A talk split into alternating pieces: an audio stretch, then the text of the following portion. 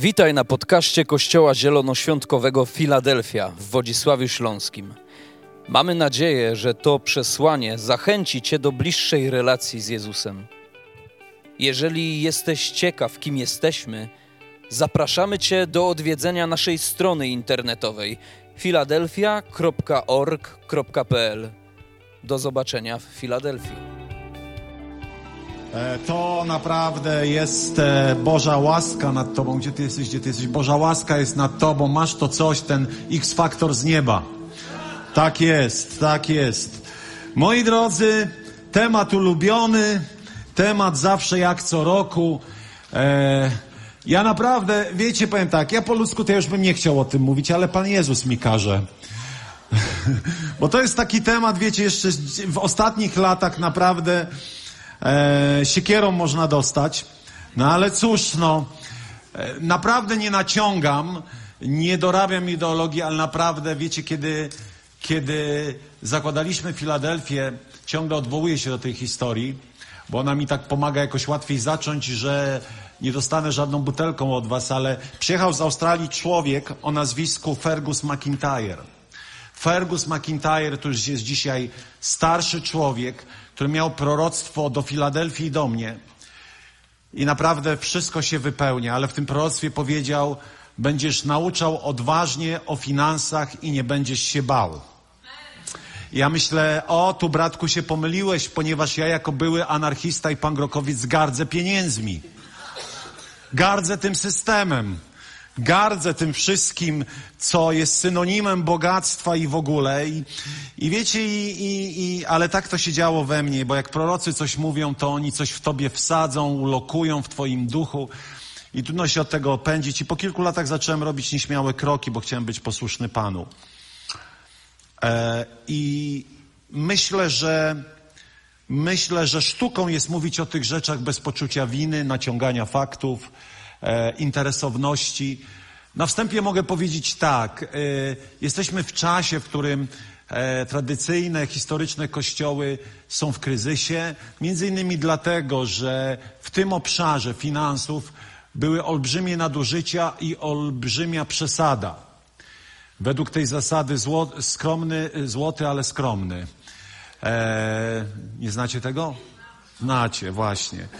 E, I chciałbym Wam powiedzieć, że głęboko jestem przekonany o tym, że to, to tamta historia to nie ta historia.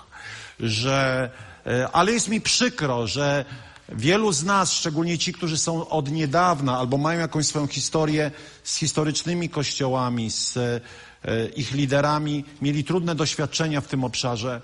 Mogę tylko za to przeprosić. I mogę tylko modlić się, aby to zranienie nie, nie powodowało, że będziesz o tym, o czym będziemy mówili przez cztery tygodnie, aż patrzył przez, przez te okulary Twojego zranienia i Twojego uprzedzenia. E, I chciałbym Was zabrać w tą podróż, ponieważ e, wiecie, e, w, zresztą usłyszycie dzisiaj, że pieniądze i duchowość są bardzo mocno połączone. Bardzo mocno. Pieniądz, troska o potrzebujących i życie z Bogiem są, są złączone. Nie można żyć z Bogiem, nie będąc otwartym na potrzeby drugiego człowieka, bo dzisiaj o tym powiem. Nie zacznę o tym, o, od tego, chociaż taka jest kolejność w królestwie, ale nie zacznę świadomie od tego. Może się Bogu trochę narażę, ale, ale dzisiaj zacznę od tego drugiego aspektu hojności, jaką, jaka jest hojność wobec potrzebujących, chociaż powinienem zacząć od, od dziesięcin. Bo najpierw Bóg, najpierw to, co dla Boga. Ale żeby pokazać Wam trochę to z innej strony, to dzisiaj e, rozpoczynając ten cykl hojny z miłości, i to już ustawia te nauczanie. Można być tylko hojnym z miłości. Nie można być inaczej. Nie może nam towarzyszyć nic innego za wyjątkiem miłości i radości. I o tym będę mówił, chciałem powiedzieć jutro, za tydzień. o tym będę mówił za tydzień. O emocjach, jakie, o właściwych emocjach, jakie powinny towarzyszyć temu momentowi hojności w naszym życiu. E, A więc hojny z miłości, punkt numer jeden. E, I zacznę od takiego stwierdzenia: Mój Bóg jest dobry, dlatego jestem hojny. No to skoro Bóg jest dobry, to niech Bóg sobie będzie hojny, tak? E, ale jeżeli Bóg jest, mój Bóg jest dobry, to to musi mieć Jego dobroć, musi mieć wpływ na moje życie i na życie innych ludzi. A, I mo, mo, moi drodzy, od takiego stwierdzenia pójdę. Tylko ci, którzy przyjęli Bożą dobroć, będą dawali Bożą dobroć, a Boża dobroć musi jakoś wyglądać. Tak? Miłość musi jakoś wyglądać. Miłość nie jest e, atmosferą, chociaż z praktycznej miłości tworzy się dobra atmosfera, która z kolei pomaga stworzyć tron dla Bożej obecności na przykład. E, ale zacznę od tego, że Bóg jest dobry. Bóg jest dobry. Bóg opisuje siebie jako łaskawego, współczującego, wolnego od gniewu i obfitującego w miłość. Bóg jest dobry i z natury w dobrym nastroju. Bóg ma zawsze dobry nastrój. Wiem, że tego nie łapiecie, ale Bóg nie może być wściekły. Bóg nie może być w furii.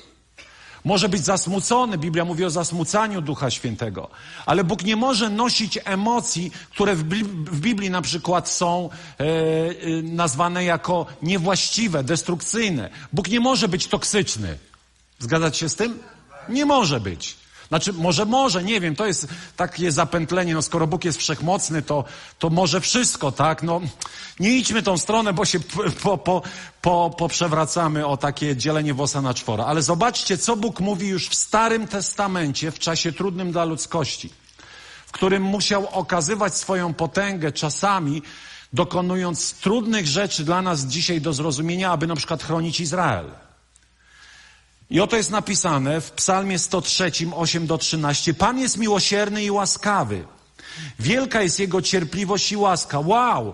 To pisze w czasach, kiedy było surowe, niewykonalne prawo Mojżesza, w którym naprawdę Bóg musiał dokonywać wielu trudnych decyzji, aby chronić przetrwanie jego ludu. Pamiętacie, rozmawialiśmy o Saulu, który otrzymał zadanie wytępić musisz wszystkich pogan. Po co? Abyś przetrwał. Mamy z tym problem, ale wyobraźcie sobie, że przychodzi morderca do waszego domu. Naprawdę uklęklibyście i powiedzielibyście, będę się modlił? Nie, ja bym wziął siekierę i walnął go w łeb centralnie. Chroniłbym swoich bliskich, zgadzać się z tym? Myślę, ja padnę. Nie pytam prawników, czy mogę. Mogę? Nie wiadomo, to zawiłe jeszcze, tak? A, też nie idźmy tą drogą. Ale ja bym generalnie miał gdzieś, co mówi prawo, uznałbym, że moim obowiązkiem jako głowy rodziny, jako ojca i męża jest ochrona swoich bliskich. Jest ochrona swoich bliskich. Prawda? Nie robię tego dla, dla nie wiem, yy, rozrywki. Po prostu to jest, jest w nas. I Bóg w tamtym czasie musiał chronić Izrael, nawet dokonując trudnych rzeczy, bo po prostu nikt z Izraelem się nie patyczkował. Ale mimo to on pokazuje swoją, swoją najdoskonal, naj, najgłębszą, najgłębsze zakamarki serca i mówi, Pan jest miłosierny i łaskawy. On nie procesuje się bez końca i jego gniew nie trwa na wieki. Nie postępuje z nami według naszych grzechów. Wow! Czy wiesz, że Bóg nie postępuje według Twoich grzechów? To jest niesamowite. Dlatego, że gdyby postępował według Twoich grzechów, to łaska nie byłaby łaską. Łaska to jest niezasłużona przychylność, pomimo tego, że na nią nie zasługujemy. Ani nam nie odpłaca według naszych win. Lecz jak wysoko jest niebo nad ziemią, tak wielka jest Jego łaska dla tych, którzy się Go boją. Wow. On w swojej dobroci dał to, co miał najcenniejsze, poświęcił swojego własnego syna z powodu miłości i natury dobra, swojej dobrej natury względem każdego z nas, poświęcił swojego syna. Czyż jest większy jakiś dowód dobroci i miłości? Prawda? Bóg bowiem tak bardzo ukochał świat, że dał swego jedynego syna, aby każdy, kto w niego wierzy, nie zginął, ale miał życie wieczne. Jana 3,16. Bóg nie posłał swojego syna na świat, aby go wydał, on na świat wyrok, lecz aby świat został przez niego zbawiony. A więc, moi drodzy, Bóg jest dobry i Bóg jest dobrym ojcem. I teraz posłuchajcie, bez względu na okoliczności. Wiecie, bardzo często jest tak, że kiedy jest dobrze, to człowiek w swojej słabości, aleluja, Bóg jest dobry. Bóg jest dobry. Kiedy jest dobrze, śpiewamy i cieszymy się, że Bóg jest dobry. I to jest w porządku. Ale najtrudniejszy moment wiary w Jego dobroć jest wtedy, kiedy nie wszystko komunikuje nam z naszego otoczenia, że dzieje się dobro. Wtedy szybko zaczynamy powątpiewać, czy Bóg na pewno jest dobry i czy czasami nie wyciągnął jakiegoś, jakiegoś miecza, aby, nie wiem, ukarać nas, aby, aby dokonać jakiegoś, nie wiem, aktu sądu nad nami, potępienia. Wtedy nam już trudno jest zaufać, że On jest dobry. Ale Bóg jest dobry i możemy Mu zaufać w Jego dobroć, ufać Jego dobroci bez względu na okoliczności. To wróg przychodzi kraj zabijać, ale jest napisane, a Jezus przyszedł, aby zniszczyć dzieła diabelskie i dać nam obfite życie. To nie jest Ewangelia prosperity, sukcesu, tylko to jest Ewangelia, w której Bóg odkupił nas do życia w pełni, w harmonii i w obfitości. A to, że ludzie przeginają, no, no tak to już z ludźmi jest. Każda prawda Bożego Słowa jest w jakiś sposób wychylana ku przesadzie, po to, aby potem wrócić we właściwe tory. I kiedy Bóg w latach 60., 70. odnawiał tą prawdę o tym, że jest dobrym Bogiem, że jest Bogiem, który zaopatruje, że jest Bogiem, który hojnie udziela, to pojawili się oczywiście ludzie, którzy zaczęli głosić, że wszyscy mamy mieć Mercedesy, wiecie, jachty, e, jeździć na wczasy na Hawaje i w ogóle i w szczególe. Ale to nie może być prawda. Dlaczego? Dlatego, że prawda Bożego Słowa to jest taka rzecz, którą możesz zastosować w każdym miejscu na kuli ziemskiej. Jedź do Ugandy i powiedz im, że mogą mieć Mercedesy. No oczywiście biedni ludzie się na to nabiorą, ale to nie jest prawda. Możesz jechać i powiedzieć, Twój Bóg się będzie o ciebie troszczył, Twój Bóg będzie e, sprawiał, że praca Twoich rąk będzie prosperowała w otoczeniu, w którym jesteś dzisiaj. Prawda? Tak to działa. Ale wmawianie wiele razy biednym ludziom, że mogą, wiecie, być milionerami, jest po prostu, jest nie w porządku, dlatego że Bóg nam tego nie obiecał. Bóg obiecał nam szalom, czyli pełnię, harmonię e, i obfitość. Ale nie latyfundia, ale nie ziemskie majątki. Dlatego, że jest różna miara uniesienia na przykład takiej odpowiedzialności. Wiecie, bogactwo to jest odpowiedzialność. Ale Bóg jest Bogiem dobrym i wiecie, zaczyna się modlitwa pańska Ojcze nasz, czyli Bóg jest Ojcem, dobrym Ojcem, który troszczy się o swoje dzieci, bo jest dobrym Ojcem. I musimy z tego punktu wyjść, żeby nam się te wszystkie rzeczy ułożyły. A więc Bóg jest dobrym Ojcem. Bóg odkupił przez swojego syna mnie od grzechu. On ma plan, abym prosperował, abym miał obfitość w każdej dziedzinie swojego życia fizyczny, umysłowy, duchowy, emocjonalny, zawodowy. Ja w to wierzę, tak żyję i powiem Wam, to działa. To działa. Czy zawsze było łatwo? Nie, ale nigdy, nigdy, nauczyłem się tego od pastora Billa Johnsona, nigdy nie opisuje swoje, e, nigdy Biblii nie interpretuje przez doświadczenie, ale to doświadczenie konfrontuje z Biblią. I kiedy przychodzą trudne momenty na przykład, to nie mów, o widocznie Bóg tak chciał, tylko odwołuj się do Biblii, a co ona mówi? Że Bóg jest dobrym ojcem, większym niż każdy ziemski ojciec, a każdy ziemski ojciec i matka troszczą się o swoje dzieci, a Biblia mówi, że on jest większym i lepszym. Ale ponieważ może miałeś trudne dzieciństwo, trudne doświadczenie biedy, nie wiem, toksycznych i destrukcyjnych zachowań swoich rodziców, którzy nie dbali o ciebie, to może ci się włączyć ten filtr. Trudno ci będzie zaakceptować, że Bóg ma dla ciebie coś więcej. Dlatego potrzebujemy Bożego Słowa. Dlatego potrzebujemy studiować Słowo i zobaczyć, co On tak naprawdę miał. A więc Jezus jest najczystszą teologią. Czy wiecie, że Jezus uzdrowił wszystkich, którzy do Niego przyszli? Dlaczego zatem nauczamy, że Jezus jednych chce uzdrowić, a innych może nie? Nie wiemy, dlaczego nie wszyscy są uzdrawiani, ale czy, czytamy w Biblii, że Jezus uzdrowił wszystkich. I to musi zmuszać mnie do poszukiwania większego poziomu uzdrowień w życiu Kościoła. Wiecie, czy w, lata, w latach 50. i 60., kiedy było przebudzenie uzdrowieńcze w Stanach Zjednoczonych, na prawie na 100 ludzi 100 było uzdrawianych?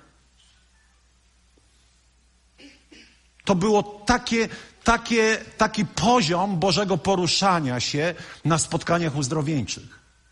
A więc ja nie chcę opisywać Biblii swoim doświadczeniem, ale chcę wierzyć, że to Biblia opisuje doświadczenie, które mnie ma spotkać. Nigdy nie powiedział, że choroba pochodzi od Boga, wręcz odwrotnie. Kiedy powiedzieli, kto zgrzeszył, to powiedział, ale nigdy też nie powiedział, wiecie, nie, nie mówił, o, coś ci się stało, bo zgrzeszyłeś. Ponieważ ludzie w tamtym czasie mówili, że jak coś złego cię spotkało, to albo zgrzeszyłeś, albo Bóg tak chciał. A Jezus mówi, ani on nie zgrzeszył, ani jego rodzice, po prostu. Tak się stało. Ale co on zrobił? Uzdrowił. Nigdy nie mówił, że choroba pochodzi od Boga. I w Nowym Przymierzu Bóg nie używa na ogół choroby do nauczania, budowania charakteru lub karania ludzi. To dlaczego zatem, wierząc, że Bóg jest dobry, to jest mocne. Kiedy przychodzą złe rzeczy, mówimy Bóg tak chciał. Obarczamy dobrego Boga o kataklizmy, trzęsienia ziemi, choroby, Numer polega na tym, to na, logiczn, na logiczne myślenie, skoro choroba pochodzi od Boga, to znaczy tak, Bóg, dotknął cię chorobą, a potem kazał innym, żeby się modlili o tą chorobę. No przecież to jest nonsens. Zgadzacie się z tym? I musimy ustawić od samego początku tą dyskusję, że Bóg jest dobry, Oczywiście on ma różne czasami sposoby działania, ale Bóg nie posługuje się wojną, cierpieniem, kataklizmem. Bóg nie posługuje się tymi wszystkimi rzeczami, aby nas prowadzić i czegoś uczyć. Owszem, On jest z nami, pomimo że te rzeczy się dzieją. Wiecie, kiedy ciągle to powtarzam, w 2011 roku, kiedy zachorowałem i, i odcięło mi prąd i, i, i, i się pogrążyłem w depresji, nie mogę powiedzieć, że to było od Boga. Każdy, kto był w takim miejscu, powie serio od Boga, jak on to wymyślił. Że masz tunel, myślenie tunelowe, wąskie światełko. I, i, i, ale, ale mogę powiedzieć, że w tym trudnym czasie Bóg był ze mną. Nie zostawił mnie.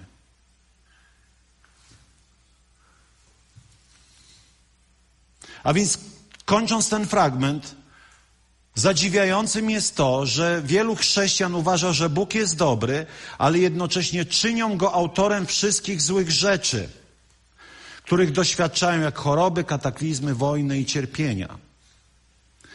Moi drodzy, żyjemy z praktycznym przekonaniem, że Bóg, ponieważ Bóg jest dobry, chce zbawić każdego. Tak mówili do Tymoteusza. Wiecie o tym, że Bóg chce zbawić każdego. Każdego. Dlatego musimy żyć z takim przekonaniem i nastawieniem, że Bóg chce zbawić wszystkich ludzi. Czy wszyscy będą zbawieni? Nie, ale Boża natura, Boża miłość, Boża dobroć chce zbawienia wszystkich ludzi. Pomyśl, gdybyś miał piątkę dzieci.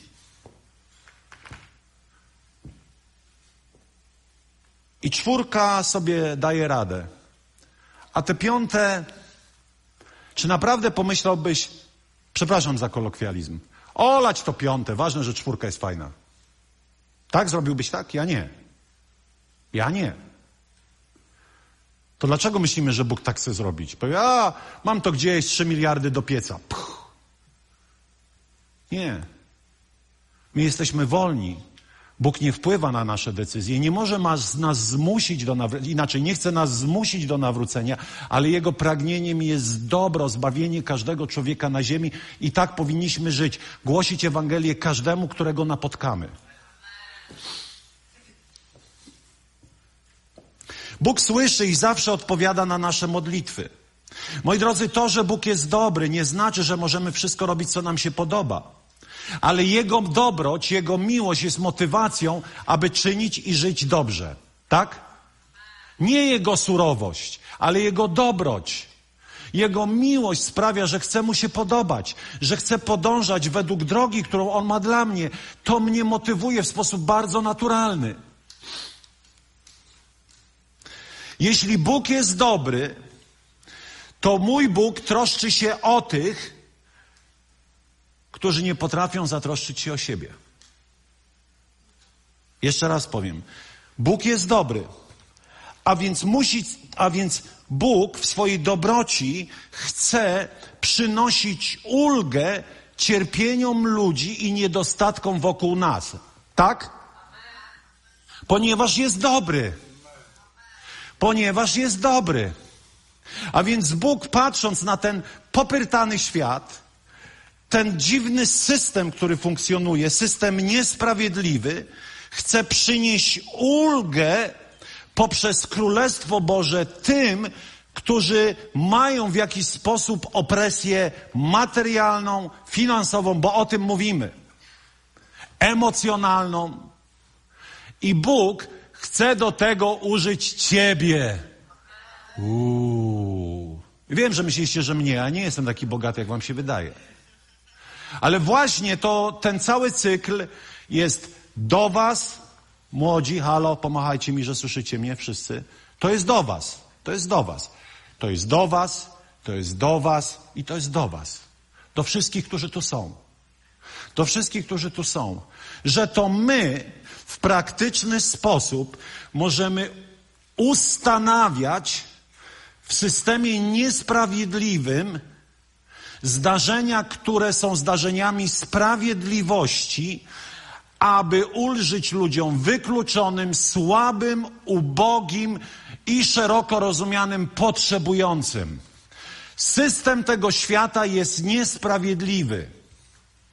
I kiedy mówię niesprawiedliwy, a od tygodnia na tym siedzę, słuchajcie, to jest w ogóle zastanawiające, że niesprawiedliwość nie wiąże się albo czynienie sprawiedliwości wynikającej z Bożego dobra nie wiąże się z tym, że za złe czyny się kara i to jest sprawiedliwość, ale sprawiedliwość to także przynoszenie ulgi tam, gdzie ludzie doświadczają niesprawiedliwości. A więc my jesteśmy, Kościele, od tego, aby manifestować Bożą sprawiedliwość poprzez wykonywanie dobra względem ludzi, którzy doświadczyli niesprawiedliwości. I słuchajcie, to, ten punkt to ma taki kaliber, za chwilę wam o nim powiem, bo już widzę te, te wiecie, chmurki w głowie. Jak przetrwonił majątek, to jego problem. Nie będę mu dawał na wódę. Nie będę mu dawał na narkotyki. Słuchajcie, to za chwilę, za chwilę zobaczycie, jaka tu jest impreza w Słowie Bożym. Ale zobaczcie, w Mateusza 6, 1, 2 jest napisane. Wystrzegajcie się obnoszenia swej, sprawiedliwości przed ludźmi. Nie chciejcie wzbudzać podziwu, inaczej nie otrzymacie zapłaty od waszego Boga w niebie. Dlatego, gdy udzielasz wsparcia, zobaczcie, czyli sprawiedliwość jest połączona ze wsparciem. Halo, jesteście ze mną? Czyli jeżeli chcesz czynić sprawiedliwość w niesprawiedliwym świecie, to nie tylko o to chodzi, że będziesz łapał przestępców, nie o tym rozmawiamy, ale że będziesz udzielał wsparcia. Czekajcie, czekajcie. E, nie chciejcie wzbudzać podziwu, inaczej nie otrzymacie zapłaty od waszego Ojca w niebie. Dlatego, gdy udzielasz wsparcia, nie każ o tym trąbić w synagogach i na najwęższych uliczkach, jak czynią to obłudnicy, oczekując pochwały. Trzeci wiersz. Gdy wspierasz ubogich, niech twoja lewa ręka nie wie, co czyni prawa. Zadbaj, aby twój datek pozostał w ukryciu, a twój ojciec, który widzi również to, co ukryte, odpłaci tobie. Jeszcze raz, pierwszy werset. Wystrzegajcie się obnoszenia ze swoją sprawiedliwością. Czyli Nie róbcie pokazówki z przynoszenia wsparcia ludziom w potrzebie finansowego, materialnego. Kiedy dajesz datki do kościoła, to Jezus, to to jest jawne. Ale kiedy wspierasz ubogich, to to jest ukryte. A więc, kiedy pomagasz ludziom, nie opowiadaj o tym. Bo wtedy wspierasz to dla nagrody od człowieka. Ale jeszcze raz powiem, jesteśmy od tego, aby ustanawiać sprawiedliwość poprzez, poprzez wspieranie finansowe ludzi w potrzebie.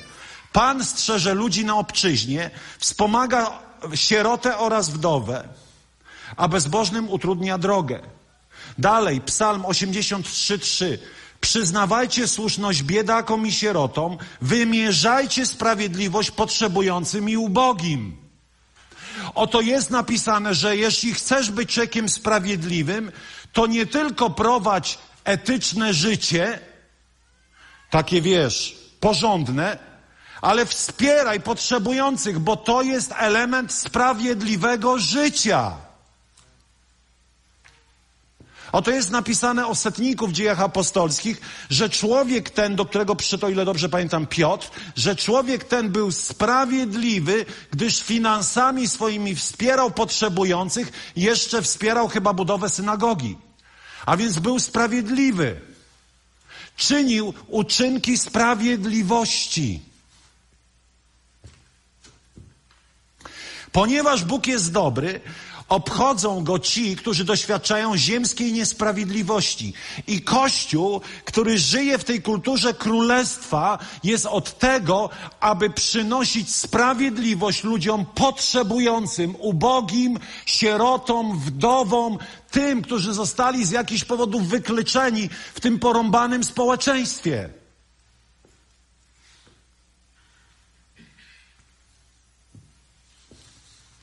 Ty jesteś narzędziem. Rozdawaj to, co posiadasz, ponieważ jesteś od tego, aby ustanawiać Królestwo Boże, które jest sprawiedliwe. Czy to znaczy, że rozwiążemy problemy głodu w Etiopii, w Somalii i nie wiem, biedy w Polsce? Nie. Ale jeżeli masz to imię, które masz, ucznia Jezusa, to tam, gdzie jesteś, możesz czynić sprawiedliwość, wspierając ludzi ubogich, potrzebujących, wykluczonych, biedaków, wdowy i sieroty.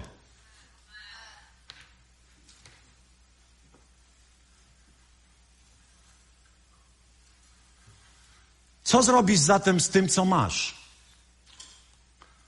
Jaka jest Twoja motywacja? Okazuje się,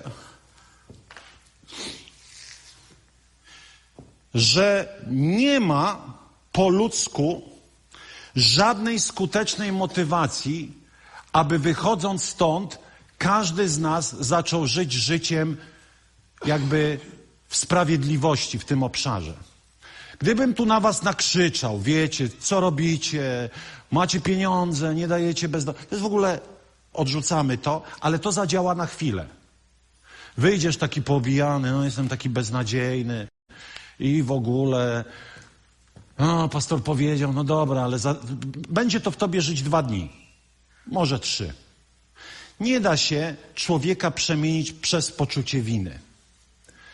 Nie da się też przez dłuższy czas, nawet jakąś pozytywną zachętą e, człowieka zmotywować. Ale jest jeden biblijny sposób, który przemienia na zawsze. Pozwolicie, że wam o tym powiem. Chcecie? A to jest trudne, ale wam to powiem. Znaczy, to jest fa, fa, fajnie trudne, ale bardzo biblijne. Słuchajcie. Zadam wam pytanie. Jak wiele razy, kiedy idziesz i widzisz osobę, która, nazwijmy to dosłownie, żebrze pieniądze, mijasz ją i mówisz tak. No nie, nie mogę mu dać, bo i tak przepije. Nie mogę mu dać, bo i tak weźmie na narkotyki, na papierosy, na coś tam. Zmarnotrawi mój dar. Robimy tak często? Bądźcie szczerzy. Tak? Robimy tak. Już nie, okej, okay, super.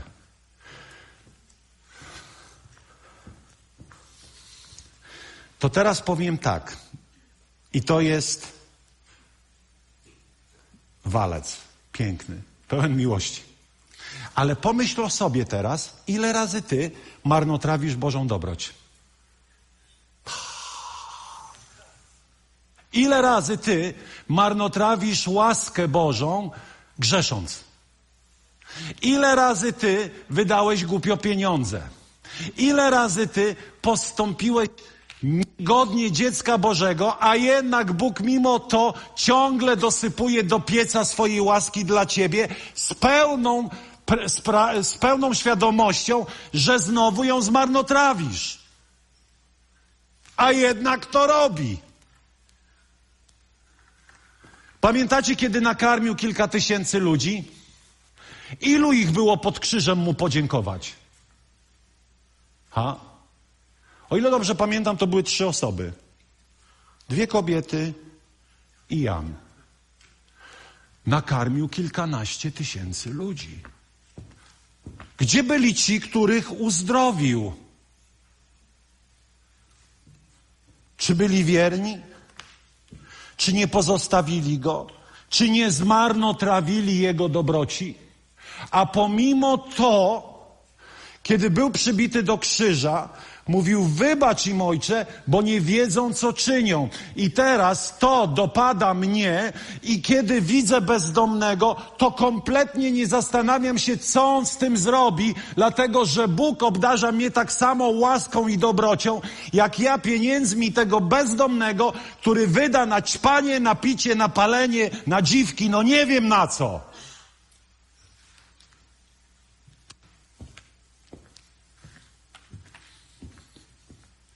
Kiedy Bóg obdarza cię pieniędzmi, wszystkie wydałeś w zgodzie tak z królestwem? Halo?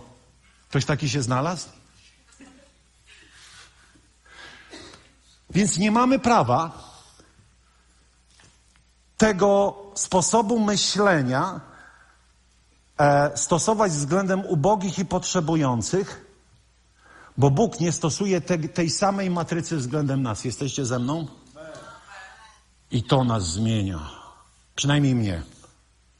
Za każdym razem, kiedy chcę się mądrzyć, nie dam, bo przepuści. A skąd wiesz po pierwsze? A po drugie, to nie jest twoja sprawa. Ty masz dawać. Ale wiele razy już słyszę te, te, te stwierdzenia. Musimy pomagać mądrze. Wiecie, po co większość ludzi tak mówi? Żeby nie dawać. Żeby nie dawać żeby się wymiksować z potrzeb. Ale wy tak nie robicie. Ja tak robiłem, żebyście nie mieli poczucia winy. Ja tak robiłem. Wy nie przeszliście na inny poziom, ale zobaczcie, ty też pomyśl o sobie, marnotrawisz to, co Bóg ci daje, a Bóg ciągle jest bogaty w miłosierdzie wobec ciebie i nie odmawia go tobie, dlatego ty nie odmawiaj sprawiedliwych uczynków innym.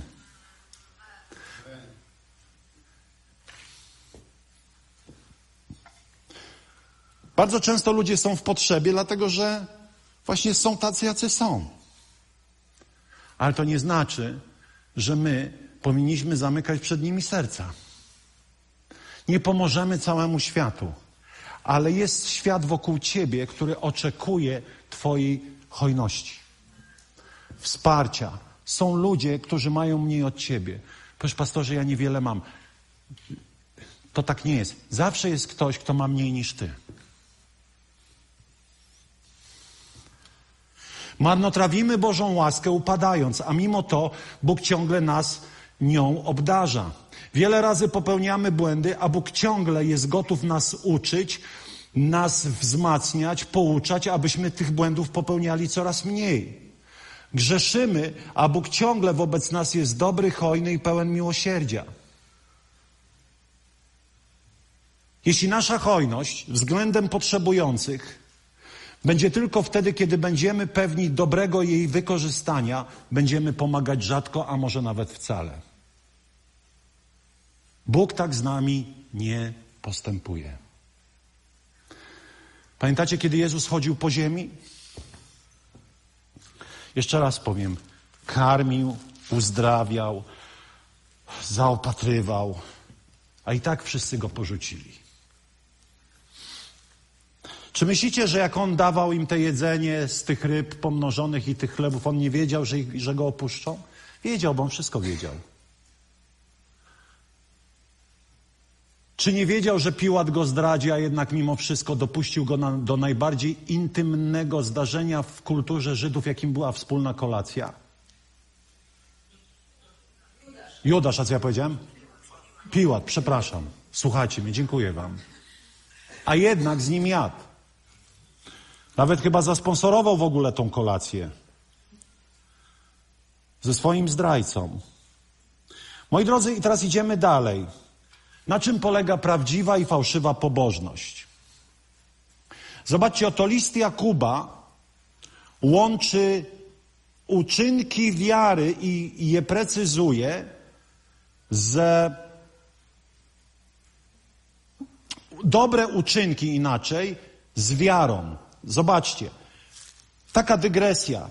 Kiedy czytamy jakieś fragmenty, starajcie się zawsze przeczytać otoczenie tego fragmentu, jaki tak zwany kontekst. Dlatego, że czasami bierzemy jakiś werset, oczywiście w sytuacji, kiedy jest słowo rema, Bóg do nas mówi, wyskakuje nam jeden werset, to jest inna sprawa, ale kiedy chcemy coś, coś zobaczyć, o co tam chodziło, to zobaczcie. Co za pożytek, drodzy bracia, Jakuba 2,14. Tu świeci się coś? Jest, tak? Świetnie. Co za pożytek, drodzy bracia, gdy ktoś twierdzi, że ma wiarę, a nie idą za tym uczynki? Czy zatem wiara może go zbawić? Na przykład, i teraz zobaczcie, pokazuje Jakub, o co jemu chodzi w uczynkach wiary.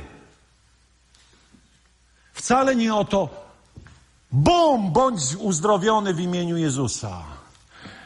Czy nie wiem, ściągniemy teraz deszcz, pieruny czy pioruny, ale mówi, brat lub siostra nie mają w co się ubrać, codziennie brak im chleba, ale ktoś z was im mówi, idźcie w pokoju, ogrzejcie się i nasyćcie, nie robiąc nic dla zaspokojenia ich potrzeb.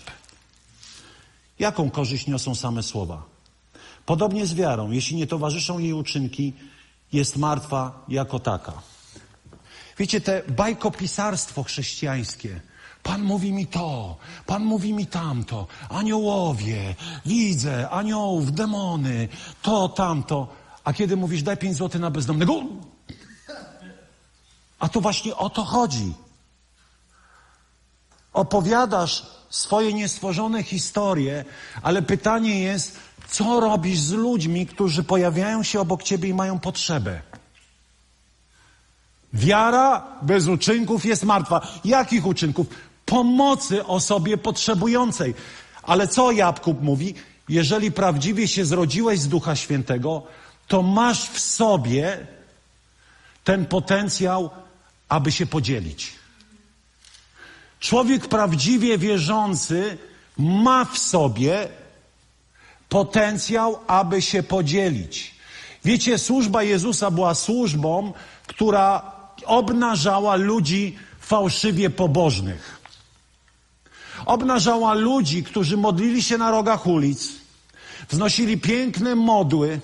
Mało tego, nawet z kopru i mięty dawali dziesięcinę, byli tak dokładni, a jednak brakowało im miłosierdzia. Do kogo? Do osób ubogich, potrzebujących. Do ludzi, którzy przychodzili, a może nawet nie przychodzili. Może przyszedł pod biedronką, daj pięć złotych. A ty mówisz, nie mam drobnych. Znacie tą historię, jak powiedziałem chłopu pod restauracją. I to był moment zwrotny w moim życiu. A potem, kiedy już zobaczyłem bezdomnych, to leciałem, żeby znaleźć. Mówię, Boże, żebym tylko miał pieniądze. Ja sobie myślę, to ja? Serio? To ja? Dalej ten sam? Bo w tobie jest ten potencjał. W tobie jest to nowe serce, tylko ta ludzka mądrość, która często osacza nasz umysł, ta cielesność zamyka nasze serca przed potrzebującymi. I, I powiem tak, to ciągle dotyczy wszystkich na tej sali. Nawet jeśli żyjesz na najniższą krajową, to jest ktoś, kto nie ma nawet jednej piątej tego.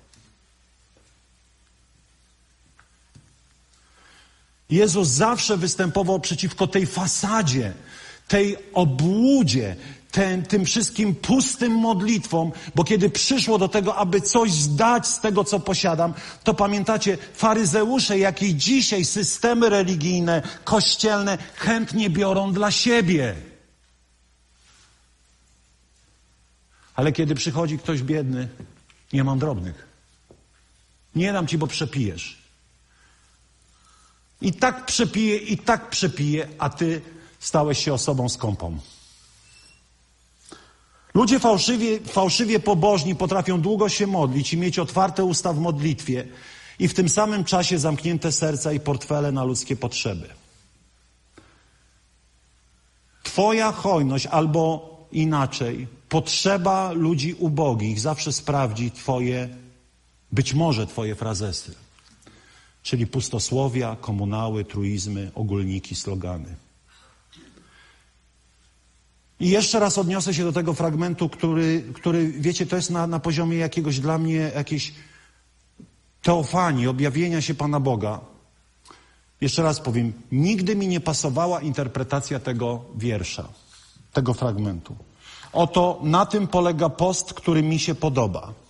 Że się wyzwala z więzów niegodziwości, zrywy, powrozy jarzma, wypuszcza na wolność gnębionych i łamie wszelkie poddaństwo że podzielisz swój chleb z głodnym, biednych tułaczy przyjmiesz do domu, gdy zobaczysz nagiego, okryjesz go szatą i nie odwrócisz się od swego rodaka. Wtedy Twe światło wystrzeli jak poranek. Zobaczcie, czyli tam ludzie pościli i robili wokół tego halo. Ja poszczę, ja poszczę od tego, ja poszczę od tego, ja poszczę od tamtego. I przychodził ktoś w potrzebie i ten faryzeusz mówił, modlę się teraz, jestem zajęty. I Pan, Bóg Jachwę mówi, to wszystko jest na nic. To nie działa. Dlatego, że ty pościsz, ale w tym samym czasie twoje serce jest zamknięte na drugiego człowieka. Jest tu bardzo ciekawy fragment, który mówi, o, zniknął mi, biednych, biednych tułaczy, że podzielisz swój chleb z głodnymi, biednych tułaczy przyjmiesz do domu.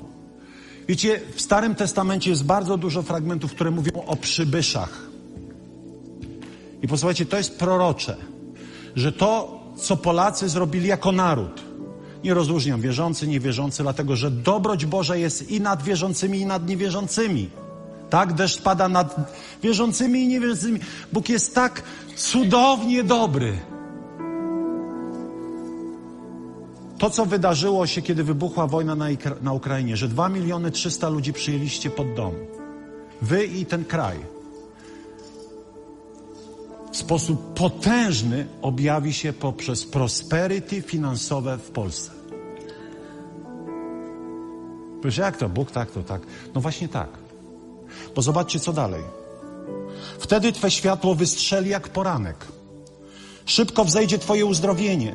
Twa wiarygodność pójdzie przed Tobą. Możesz opowiadać wzniosłe duchowe rzeczy, ale jeżeli nie wyciągasz pieniążka i nie, poda nie podajesz go potrzebującym, to nie jesteś wiarygodny. Dlatego historyczne kościoły tracą, bo są niewiarygodne. I oby nas Pan uchował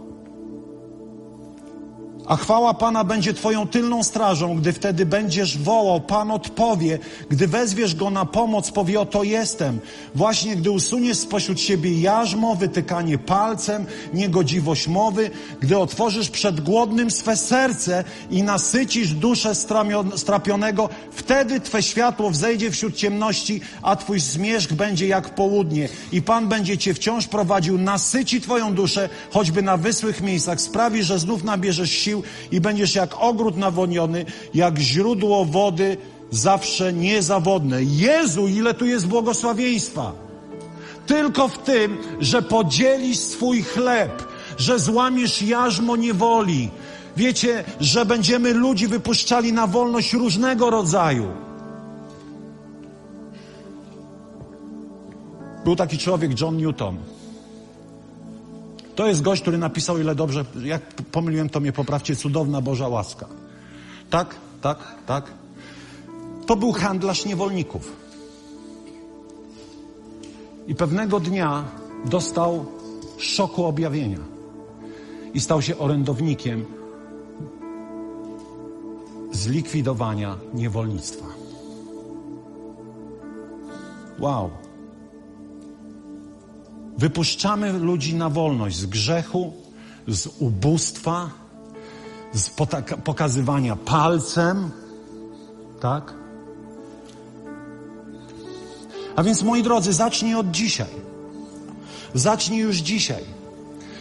Stań w miejscu, w którym powiesz: Nie zamknę swojego serca przed ubogim.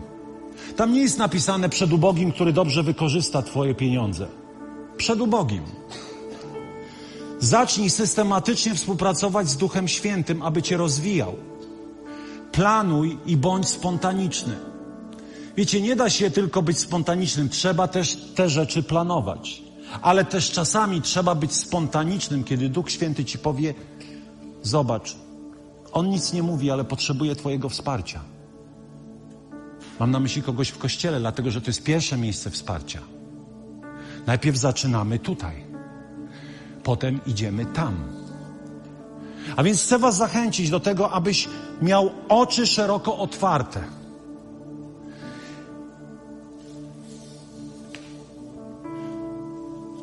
I dawaj biednym i potrzebującym, których spotkasz na swojej drodze. Wiecie, to są takie pieniądze, wydaje się stracone, ale Biblia mówi: dawaj, ale zobaczysz, jak przychylność nad tobą zejdzie. Kończąc,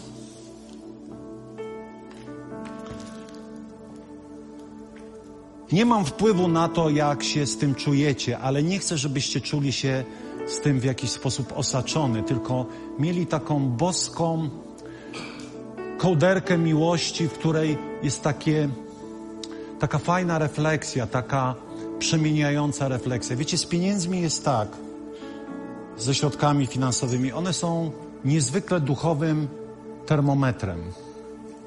Ostatnie się nawracają i pierwsze się odwracają. Co mam na myśli? Bardzo często zaczynamy swoją drogę i mam świadomość tego, że ponad 100 osób jest nowych w tym kościele. I wiem, że potrzebujecie procesu zaufania, osobistej transformacji, aby nawrócić tą sferę. Ale prawdą też jest, że kiedy letniejemy, to to jest pierwsza sfera, z której się wycofujemy. Naprawdę. Był hojny, przestał być hojny. Coś się podziało. A więc chciałbym, abyśmy powstali.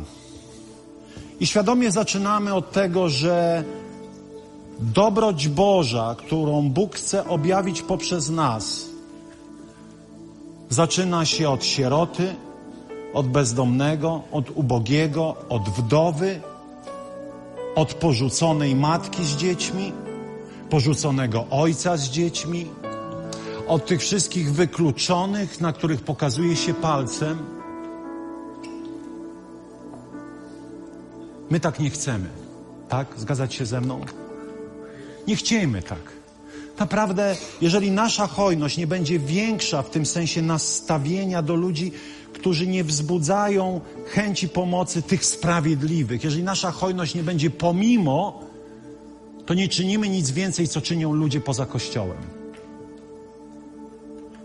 Bardzo krótko pomodlimy się. Będziemy za chwilę po tej piosence zbierać nasze ofiary, dziesięciny. Ojcze, Mów do nas. Tato, chcemy być ludźmi znanymi z hojności. Ludźmi królestwa, którzy są hojni jak ojciec. Ojcze, modlę się, aby ten kolejny, kolejny sezon duchowego ożywienia także był czasem, w którym nawracają się nasze zasoby, nasz czas, nasze talenty, nasze pieniądze, nasze środki. Panie, modlimy się, aby nasze serca nigdy nie oceniały ludzi, którzy potrzebują pomocy, ale abyśmy czynili dobro. Czynili dobro, nie wnikali, co z tym dalej się będzie działo. Panie, abyśmy byli tak jak Ty, ekstrawagancko, bulwersująco hojni wobec tych, którzy po ludzku na hojność nie zasługują. Amen. Amen, amen. Oddajmy Mu chwałę.